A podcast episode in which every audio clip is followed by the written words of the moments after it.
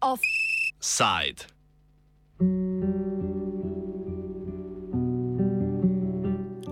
Zrno do zrno pogača. Vojna v Ukrajini prinaša negotovost tudi na področju preskrbe s hrano. V preteklih dneh je potekalo zasedanje kmetijskih ministrov Evropske unije, na katerem je beseda tekla zlasti o pomoči kmetijstvu. V času predvolilnih soočenj je bila ena od srednjih tem ravno vprašanje prehranske varnosti in pridobivanja pšenice v Sloveniji. Priča smo bili mnogim idejam, od povečanja samooskrbnosti slovenskega kmetijstva do alternativnega uvoza. Rusija in Ukrajina sta med največjimi izvoznicami žita na svetu. Skupno pridelata kar tretjino vsega žita, ki pride na mednarodni trg.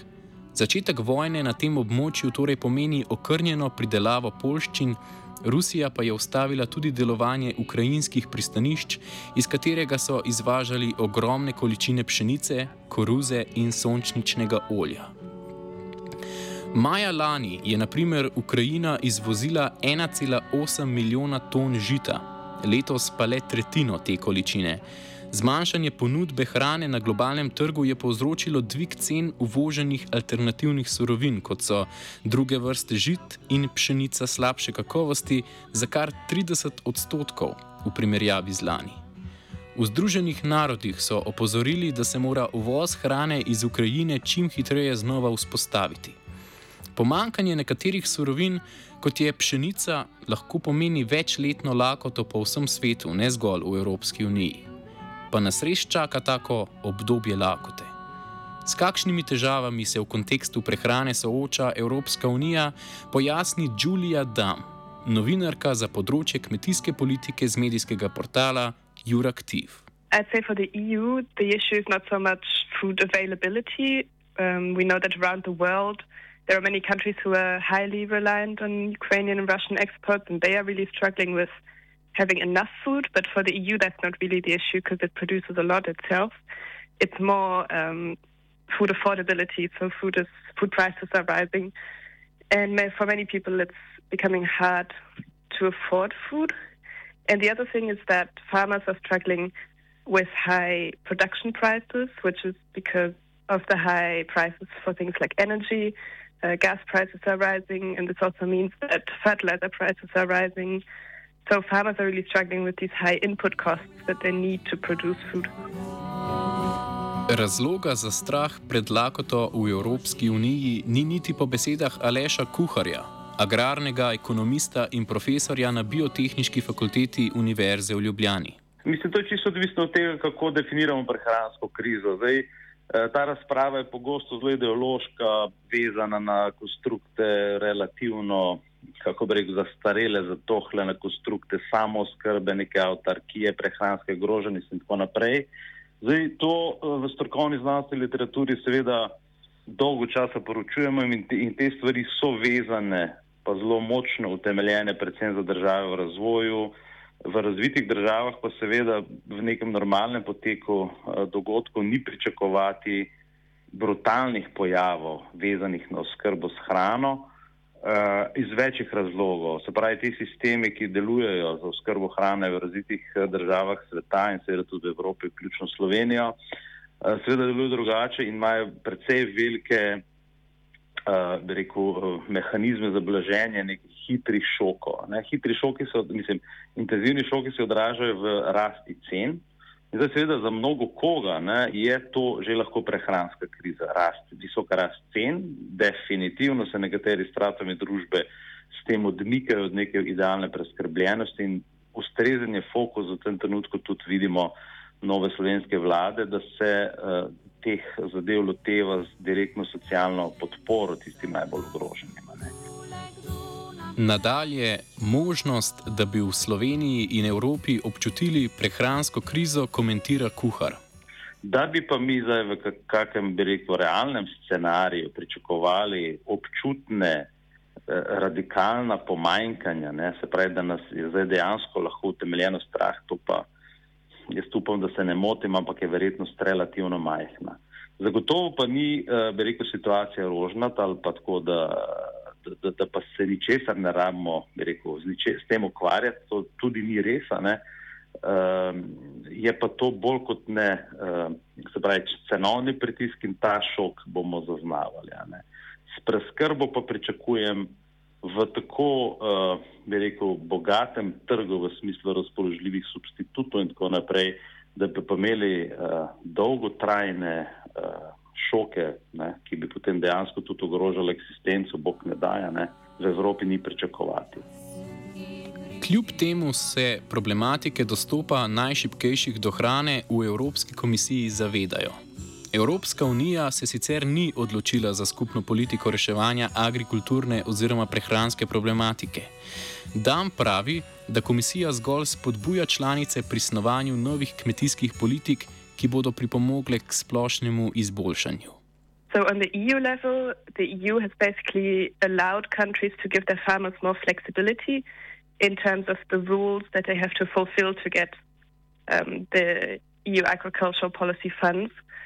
So, there are some environmental rules that usually farmers have to fulfill in order to get these EU funds. But now member states can allow them to be a bit more flexible on this and still get the funds which is meant to allow farmers to grow more and not take as many areas out of production, and also to just generally support them. And on the other hand, when it comes to consumers, there's not that much that the EU can do because it's not it's not an EU competence; it's a member state competence. But the EU has told member states that they should look to reducing VAT on um, certain food products, for example. And there are some member states who are looking into this, uh, but not many so far. So the, the consumption side, uh, really supporting consumers, that's a bit more difficult. Sogovornica pojasni, kako bo, v, kako bo Evropska unija pomankanje skušala omiliti z ukrepi, ki bodo posegli zlasti na področje kmetijstva in oskrbe z energijo. I think for the EU, um, there is a focus on farming and as well as energy. I mean, energy is, of course, a big topic in general in um, when it comes to Russia's war. But it's also very important for farming because farmers struggle with rising energy prices. Uh, and you also need gas to produce fertilizer. So the EU is doing a lot on uh, energy policy at the moment, trying to become more independent from Russian gas and Russian energy imports. Um, but it's also doing a lot uh, in terms of trying to support farmers directly. A ukrepi na področju kmetijstva niso nujno smiselna rešitev. Kuhar je kritičen do ukrepov Evropske unije in Slovenije na tem področju.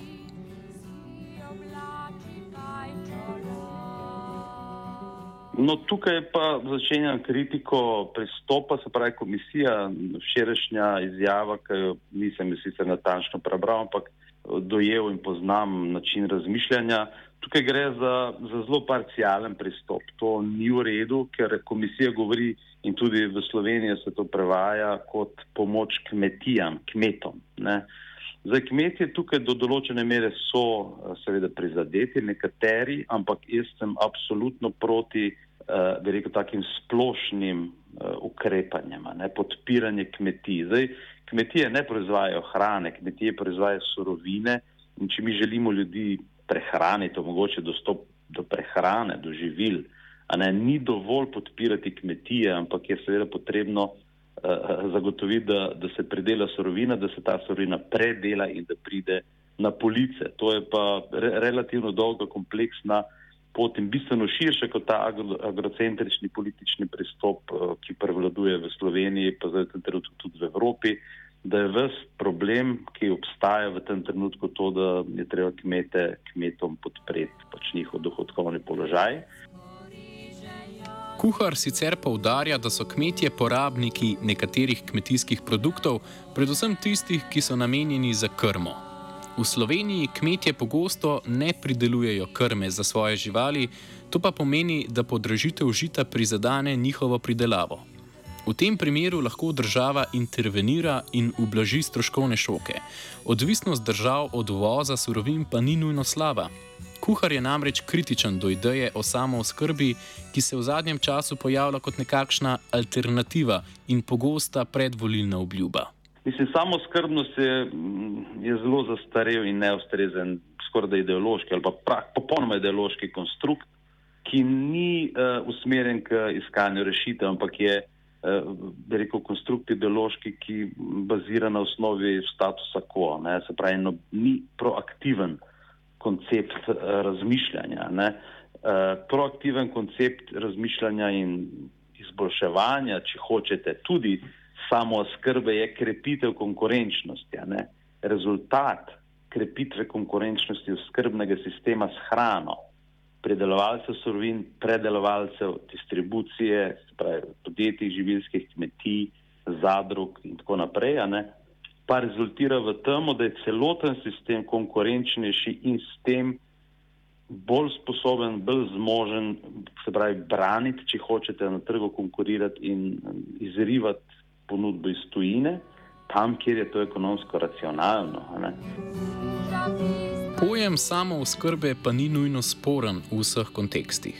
V nekaterih državah ima ta pojem drugačen pomen kot v Sloveniji. Mi pa besedo samo oskrbo seveda vidimo v, v dokumentih komisije in tam pa v državah, ki imajo visoke stopnje konkurenčnosti. Govoriti o samo oskrbi je pa nekaj popolnoma drugega. Ne? Tam, ne, zdaj, če neka nizozemska govori visoki stopni samoskrbe, pa konkurenčne države, Avstrija, Nemčija, ne, je popolnoma nekaj drugega, ne, ker oni so že v formi, oni so že v športni kondiciji. Ne, ni tako veliko, rekel, negativnih posledic pasivizacije, ne, kot je pasivizacija politične aktivnosti ali pa ne, ekonomskega reformiranja v nekonkurenčnih državah. Ne. Treba je tudi v ustreznih kontekstih Zdaj, evropske politike se veliko govori o samoskrbi na področju plina, na področju tudi hrane, ne, tako na splošno pavšalno, ampak to v bistvu bolj deluje protekcionistično in predvsem v interesu visoko razvitih kmetijskih držav. Ne. Če pa ti govoriš o samoskrbi v državah, ki imajo resne konkurenčne izzive, kako je tudi Slovenija, je pa to, bi rekel, dodatna pasivizacija nerazvitih. A svet ne bo v celoti ubežal novi prehranski krizi. Prekinitev izvoza pšenice po mnenju DAM sicer ne bo prizadela Evropske unije, bodo pa posledice občutili v drugih državah. Mm, there are a number of countries in northern Africa and also Asia. Um, for example, some countries of the Middle East are very reliant, um, and their experts are saying that this food crisis could lead to political instability too, especially in countries where um, the political situation is already a bit tense. It's really very explosive, this, uh, these rising food prices and this uh, looming food crisis. Zakaj bosta prehranska kriza in posledično lakota prizadeli omenjene države, natančneje razloži kuhar? Se pa dogajajo zelo resni pretresi v družbah, državah, območjih sveta, kjer so pa seveda gospodinstva in skupnosti v popolnoma drugačnih konstelacijah, kot je to v razvitem svetu, kjer je seveda eh, širina ponudbe in tudi globina, se pravi ta, eh, ti mehanizmi za blaženje šokov praktično ne obstaja. Ne, eh, načini prehranjevanja ljudi so drugačni, ne, to pa je seveda predvsem precejšen del Afrike, tudi del Azije, ne, kjer pa seveda te podražitve, neki kratkoročni zastoji utečenih distribucijskih poti lahko pomeni dejansko promptno lakoto, ne, se pravi v nekaj dneh, tednih, ne, zaloge v teh uh, državah poidejo do te mere, da dejansko prihaja do humanitarnih uh, pritiskov. Razmere pa niso zamejene zgolj na območje Evrope in Bližnjega vzhoda. Indija, ki je prav tako velika pridelovalka žita, je nedavno prepovedala izvoz pšenice in sladkorja. S tem želi vlada nadzorovati visoko stopnjo inflacije, ki ogroža prehransko varnost indijskega prebivalstva. Indija je zanimiva, ker ima velike wheat stocks, so it has a lot of wheat stored in the country.